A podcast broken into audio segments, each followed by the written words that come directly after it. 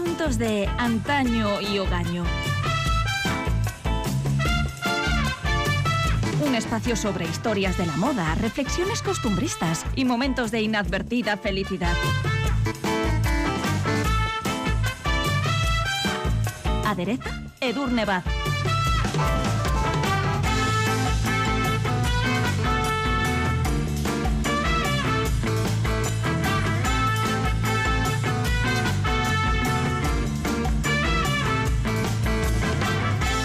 Cada 21 de marzo se celebra el Día Mundial de las Fragancias, un complemento de carácter sensorial que ha alcanzado el estatus de joya, un lujo tan aspiracional como relativamente asequible, que goza de un enorme influjo no solo sobre los sentidos, sino también, como veremos, desde un punto de vista psicológico. Los aromas, de hecho, han gozado de una gran importancia en todas las civilizaciones y culturas a lo largo de la historia. Edurne Vaz, ¿qué tal? Hola. Hola, muy bien. Nos vamos a adentrar en la apasionante historia del perfume y además nos va a llevar varios episodios, varios volúmenes. Sí, ya podemos adelantarlo. No sabemos si dos, tres, todo dependerá de cuánto nos enrollemos, pero es que claro, hay que remontarse muy atrás en el tiempo, ¿no? Desde el momento en el que nuestros ancestros al encender un fuego descubrieron que materias primas originales desprendían al arder buen olor, se estableció a través de aquel humo fragante un vínculo directo entre lo terrenal y lo divino. Y mucho ha llovido desde esa primitiva relación con los perfumes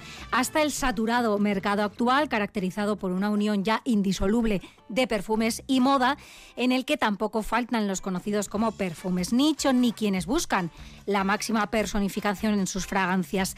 Iniciamos hoy este recorrido, ya veremos cuánto de largo, por la historia de los perfumes, empezando, en palabras de la perfumista Mandy Aftel, por el repaso de un tiempo para muchos perdido o olvidado, en el que el aroma era alabado por los poetas, contemplado por los filósofos y apreciado universalmente por sus profundos efectos sobre el cuerpo, la mente y el alma.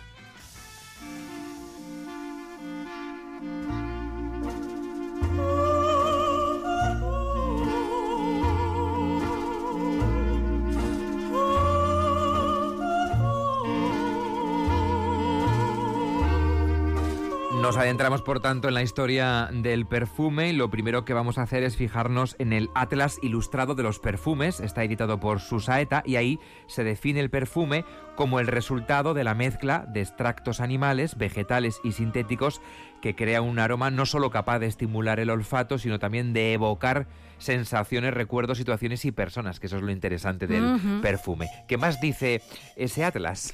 Pues añade con acierto que un carácter sagrado y místico rodea su nacimiento cuando nuestros antepasados descubrieron el fuego y con ello los aromas que desprendían la madera y las resinas al ser quemadas. Aquel humo aromatizado que se elevaba hasta el cielo era utilizado como ofrenda para agradar a las divinidades de la naturaleza, purificar el cuerpo, alejar el mal o facilitar el paso al más allá. En su pequeña historia del perfume, la perfumista estadounidense Mandy Aftel plantea por su parte que desde los tiempos más remotos las personas parecen experimentar un placer instintivo cuando frotan sus cuerpos con ungüentos perfumados hechos de cortezas, hojas, flores y plantas. El perfume, etéreo y casi intangible, inigualable en su capacidad para evocar nuestras emociones más profundas, nos ha ayudado, afirma, a orar, a curar y a hacer el amor. Los perfumes, defiende Aftel, no solo están directamente relacionados con sus fabricantes, sino más bien con sus sacerdotes y alquimistas, que fueron los primeros en descubrir los poderes de la combinación de esencias. Bueno, eso es lo que dice Mandy Aftel. También hay que señalar que el influjo de un perfume puede ser en efecto enorme, no solo para los sentidos, también desde el punto de vista de la psicología. Sí, está demostrado que el uso de estas ricas esencias aumenta la autoestima y favorece las relaciones sociales. La elección de un perfume se convierte para muchas personas en un elemento relevante en la percepción y también en la proyección de la propia personalidad, ya sea esta auténtica o aspiracional, ¿no?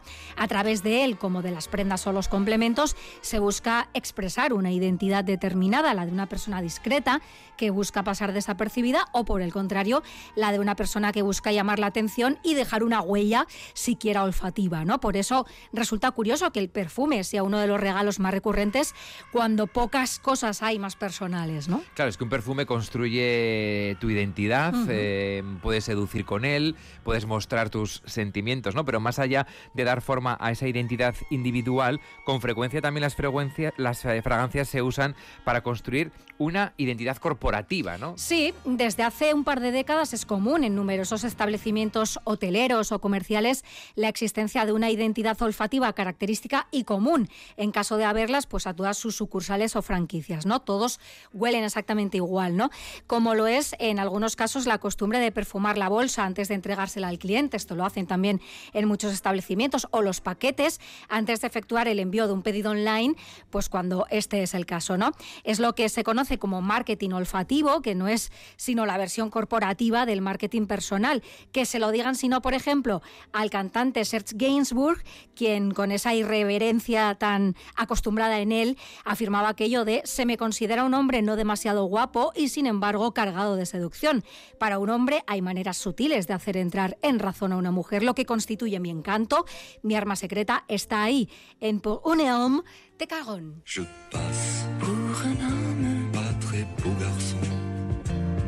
Pourtant,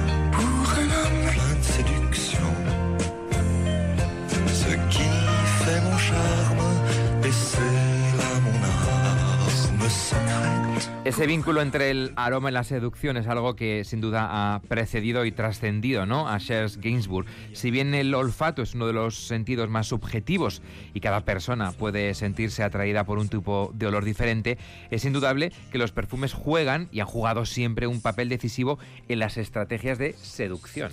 Tal es así que algunas firmas han jugado con la idea de incorporar en sus formulaciones feromonas, que la RAE define como sustancias químicas cuya liberación al medio por un organismo influye en el desarrollo o en el comportamiento de otros miembros de la misma especie, en este caso lo que se busca es atraer ¿no? a esos miembros, y tal y como recoge el Atlas Ilustrado de los Perfumes, ya en el antiguo Egipto se había descubierto que el sudor de las personas sanas y fuertes contenía sustancias afrodisíacas, por lo cual eh, lo extraían de hombres cuidadosamente seleccionados con este objetivo, y una vez recolectado, podemos leer en este tratado, el sudor era incorporado a diferentes fragancias. Puedo contar que en un bar de Vitoria-Gasteiz había una máquina expendedora en la que había toallitas con feromonas para que te untaras un poco ahí el cuello o lo que te pareciera y salieras a darlo todo, ¿no? en la pista. Esto es así. Bueno. Cerramos paréntesis. Sí, sí, sí, mejor. mejor, mejor, Tan potencialmente poderoso es el efecto de un aroma en nosotros que, de golpe y porrazo y de una forma tremendamente vívida, es capaz de transportarnos a un lugar, a un momento de nuestra vida, a un estado de ánimo o a una persona en particular. O a una expareja en particular. Hombre, esto igual a veces hay que excluir ese perfume de la colección porque ya los recuerdos pesan demasiado, ¿no? Es que funciona así el asunto de los perfumes. Tenemos memoria. Claro, tenemos memoria olfativa o herencia olfativa, ¿no? Y actúa de forma comparable a la tantas veces citada Magdalena de Proust, ¿no? Y es que la capacidad para evocar recuerdos que tiene un olor que resulte significativo para nosotros es incluso mayor que la que pueden tener las palabras o las propias imágenes. Muchas de nuestras experiencias vitales están grabadas en nuestra memoria asociadas a un olor. Y esto, claro, pues funciona para bien o para mal, dependiendo del recuerdo que hayamos traído de vuelta con ese aroma, ¿no? Pero remontémonos ya a los orígenes de nuestra relación con los aromas, en palabras de Daniel Figuero, autor del ensayo Contra Perfume, a su cualidad de portal de entrada a una dimensión espiritual, a un misticismo secreto.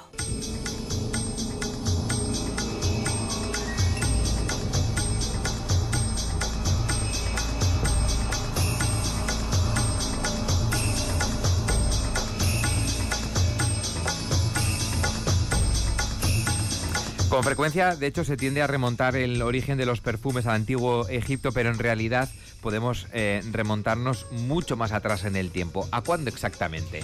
Bueno, podríamos remontarnos hasta los orígenes mismos del ser humano, básicamente porque en todas las épocas y culturas los perfumes se han utilizado y utilizan también en la actualidad de forma ritual, ¿no? Ya en la prehistoria, cuando el humano primitivo encendió un fuego para entrar en calor, alterar para mejor el sabor de los alimentos o alejar a las fieras que pudieran poner su vida en peligro, ¿no? hay durante la noche pues se descubrió que algunas ramas o resinas desprendían al ser quemadas un olor agradable, ¿no? Y que aquel fragante humo además se elevaba hacia el cielo, lo que facilitaba que se pudiera acabar estableciendo un vínculo entre lo terrenal y lo divino. En este interesante ensayo contra perfume que mencionaba de Daniel Figuero, que además es embajador de los perfumes de la casa Dior, él afirma, el perfume nació en efecto como un vehículo de comunicación con los dioses en los oráculos, en las ceremonias de paso se quemaban manojos de salvia y madera de sándalo para que el humo al ascender fuese una suerte de hilo conductor entre el panteón de las deidades y los simples mortales. Su mismo origen se encuentra ahí, del latín perfumare, que significa por el humo o exponer al humo.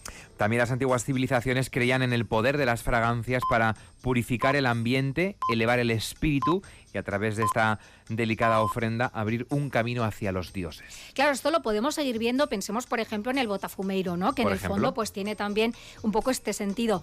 La compleja y avanzada civilización sumeria estaba ya muy familiarizada con el uso de la cosmética, los ungüentos y los perfumes como se usaban también en Mesopotamia con carácter ritual, personal e incluso medicinal. Pero se considera que fue la perfumería litúrgica egipcia la que beneficiándose de sus rutas comerciales sentó las bases que influirían en el mundo grecorromano y en adelante en toda la perfumería occidental hasta el siglo XIX. La mirra, la resina de terebinto, el gálbano, el olíbano o el ládano, entre otros ingredientes naturales, eran utilizados por los sacerdotes para literalmente vaporizar sus oraciones, con aromas distintos además en función del momento del día. ¿no? Los zumos, la pulpa de las frutas, la fécula de las semillas oleaginosas, la miel o los aceites eran asimismo empleados en aquellos pioneros aceites perfumados, ungüentos o pinturas con las que embadurnaban y acicalaban las estatuas divinas con las que buscaban con gracias. Incluso se recurría a ellos para aromatizar los sepulcros y para la propia técnica del embalsamamiento. Por ejemplo, cuando se abrió la tumba del faraón Tutankamón, se hallaron más de 3.000 recipientes distintos con fragancias que todavía conservaban su olor a pesar de haber permanecido siglos enterradas. Madre mía. Y de Cleopatra, sí, es fascinante. Pues de esta mujer se cuenta también que era aficionada a impregnar sus manos con un aceite con extractos de flores como rosas o violetas y azafrán y que perfumaba sus pies con una loción hecha de extracto de almendra, miel, canela, azar y aleña. Y también... Y la leche de burra, ¿no? Eso se cuenta, pero la leche de burra veremos que también era muy utilizada por otra mujer de la que hablaremos en un momento, pero en el caso de, Cleopatra se habla de estos ungüentos y también podemos hablar de, de otras civilizaciones y culturas que estuvieron familiarizadas con los perfumes, por ejemplo, la antigua China, ¿no? donde se usaban unos pequeños saquitos de tela o de hilo de oro que contenían hierbas aromáticas en su interior.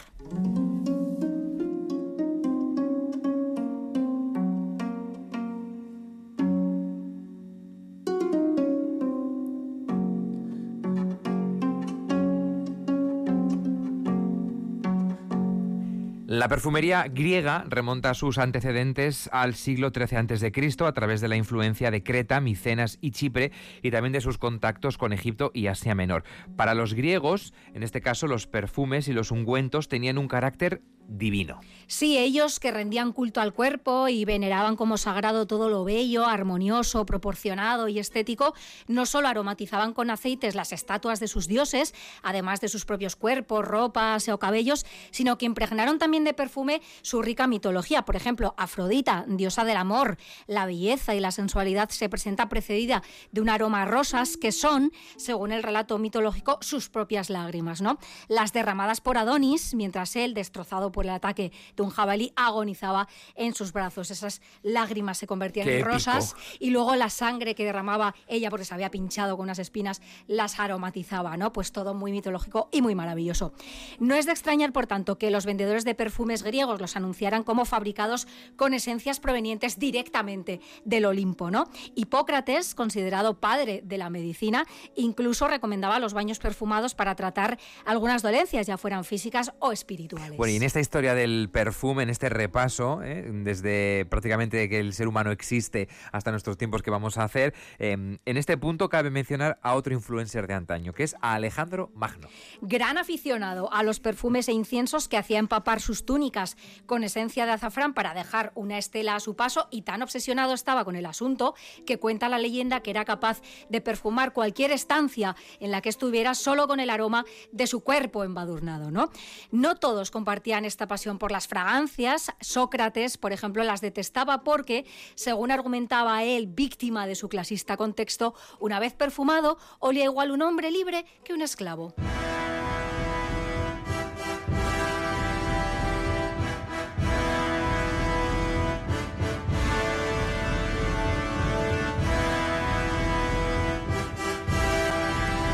Nos hemos remontado al antiguo Egipto, también a la mitología y a la civilización griega. Ahora vamos al Imperio Romano, ¿no? Porque Roma adoptó de Grecia, entre otras muchas cosas, su pasión, o quizá en este caso también sea más acertado hablar de obsesión por los perfumes que se empezaron a utilizar desaforadamente, no solo sobre el cuerpo, sino también sobre la ropa y para aromatizar diferentes estancias, ¿no? Por ejemplo, los salones o los teatros, pues estaban ahí perfumados eh, a saco paco. Las armas también se perfumaban incluso a los pobres animales. Ay, pobres animaletes, es así. les gustaba perfumarlo absolutamente todo y claro, materia prima para hacerlo no les faltaba en la despensa de su vasto imperio, ¿no? Aunque esta práctica no tenía ya para ellos ese carácter sagrado que tenía para los griegos o para los egipcios, aunque sí podía tener un carácter ritual. Por ejemplo, antes de la batalla, los soldados se ungían con perfumes y también cuando regresaban victoriosos humedecían los estandartes de las legiones con fuertes fragancias, dejando, fíjate, al mismísimo Alejandro Magno a la altura del barro. Se cuenta que Nerón gastaba auténticas fortunas en aceites perfumados en las fastuosas fiestas que organizaba y que además hacía caer del techo miles de pétalos de las más variadas y exóticas flores, por no mencionar que según ha trascendido llegaba incluso a perfumar, como decíamos, a sus pobres animales, ¿no? Compartía al parecer obsesión con su mujer Popea, que se bañaba esta también en leche de burra, a la que añadía sal, aceite de oliva, bicarbonato y pétalos de rosa. A tal efecto, sus viajes obligaban a desplazar unas 300 burras para ser ordeñadas cada mañana para que la señora Popea pues tuviera su bañera lista, ¿no? Madre mía. Se considera que fueron los romanos. Explosiva. Es que claro, iban, iban pues bueno, muy al máximo en todo lo que hacían, ¿no? También en esto. Y se les considera creadores del primer gremio, ¿no? De perfumistas conocidos como ungüentari, que fabricaban perfumes en formato sólido, en formato líquido, en este caso utilizando una base oleosa, o en formato polvo también, ¿no? Pero las invasiones bárbaras, la caída del Imperio Romano y la progresiva cristianización minimizaron considerablemente el uso de los perfumes destinados al placer personal, que llegaron, de hecho, a estar prohibidos.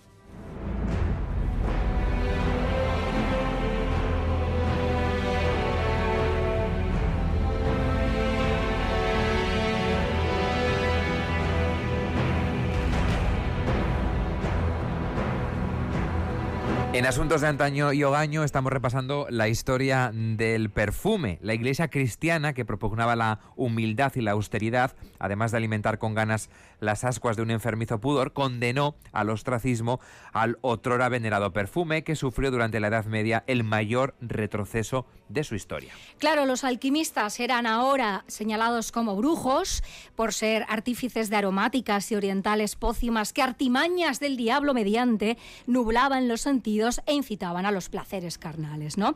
no había sitio ya para el perfume, más allá de un uso controlado y limitado a un contexto ceremonioso y litúrgico. El imperio bizantino insufló nueva vida al perfume en toda la zona del Mediterráneo oriental, la refinada cultura del perfume en la civilización árabe y la riqueza de materias primas en la bautizada por los clásicos como la tierra de los perfumes, pues también contribuyó a este notable impulso. A los árabes, expertos alquimistas, se atribuye de hecho el desarrollo del alambique y el perfeccionamiento también de las técnicas de destilación de alcohol como soporte para las esencias. Los soldados que regresaban a Europa de sus campañas militares en las cruzadas traían consigo perfumes y esencias desconocidas en sus respectivos países, volvió a ponerse de moda entre la clase pudiente, por supuesto, purificar el aire y perfumarse o acompañar los propios movimientos con pequeños objetos fragantes como las pomas de olor, conocidas como pomander, que eran unos recipientes en forma de vasija perforada que se colgaban del cuello o de la cintura, introduciendo en su interior esencias y plantas aromáticas y así cuando se movían pues iban oliendo, ¿no? Y los había de madera, pero también por supuesto de oro y plata, incluso ya puestos a fardar pues con piedras preciosas. Es importante señalar que así como en contra de lo que se tiende a creer, en la Edad Media se promovieron las abluciones y el baño, en el Renacimiento, a pesar del resurgimiento de las artes, la exaltación de la cultura greco-romana, la apertura de nuevas rutas marítimas o la invención de la imprenta que permitió, entre otras cosas, traducir y publicar en francés e italiano antiguos tratados de perfumería, pues claro, las costumbres higiénicas no fueron a la par, se fueron relajando de una forma alarmante. ¿no? Es que de entrada se consideraba que el agua era portadora de las miasmas y de la peste. Eso por un lado, y claro, por otro lado, los vestidos y ropajes de las damas de la nobleza estaban elaborados con telas delicadas y muy pesadas que no solían lavarse para mm, evitar su deterioro, ¿no? Imaginad lo que podía ser aquello, por mucho que abusaran de los perfumes y lo hacían, no había quien arreglara aquel desaguisado de higiene pues descuidada, ¿no? y desarreglada.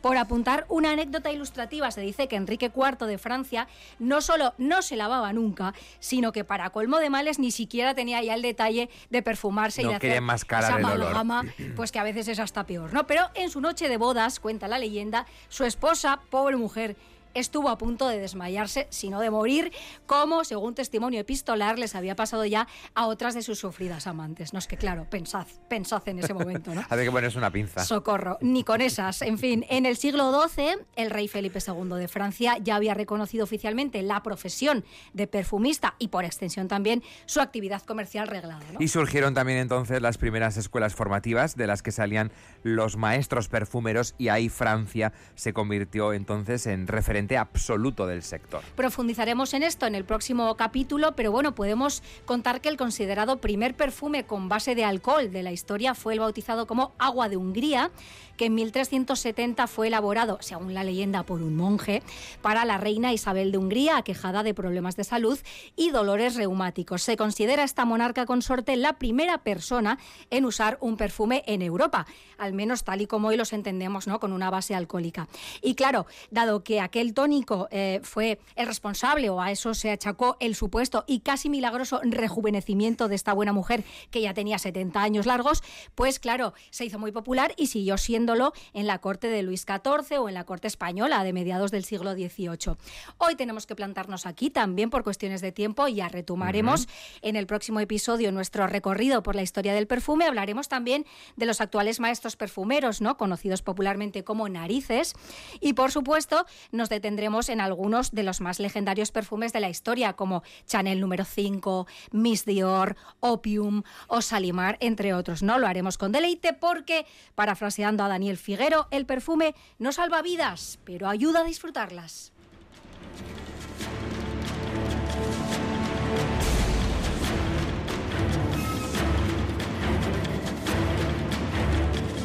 Eso será en el próximo episodio de Asuntos Antaño y Ogaño, en este volumen 2 de momento, en el que repasaremos eh, y conoceremos a esos maestros perfumeros y también repasaremos algunos de los perfumes más conocidos de la historia. Algunos de ellos todavía se siguen utilizando. Bueno, es que el Chanel número 5 es imbatible, ha sido probablemente el perfume más famoso de la historia. Edu Vázquez, que ricasco. Eso regatic, agur.